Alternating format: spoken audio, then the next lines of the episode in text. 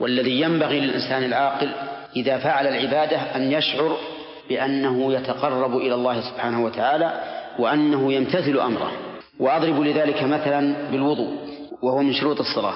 الوضوء كلنا إذا أراد أن يصلي يتوضأ لكن هل نحن نشعر ونحن نتوضأ أننا نمتثل قول الله تعالى يا أيها الذين آمنوا إذا قمتم إلى الصلاة فاغسلوا وجوهكم وأيديكم المرافق الغالب أننا لا نشعر بهذا أبدا.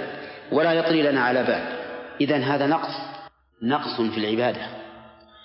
ينبغي إذا قمت بالعبادة أن تشعر بأنك تمتثل أمر الله عز وجل وأنك تؤدي الحكمة التي من أجلها خلقت وما خلقت الجن والإنس إلا ليعبدون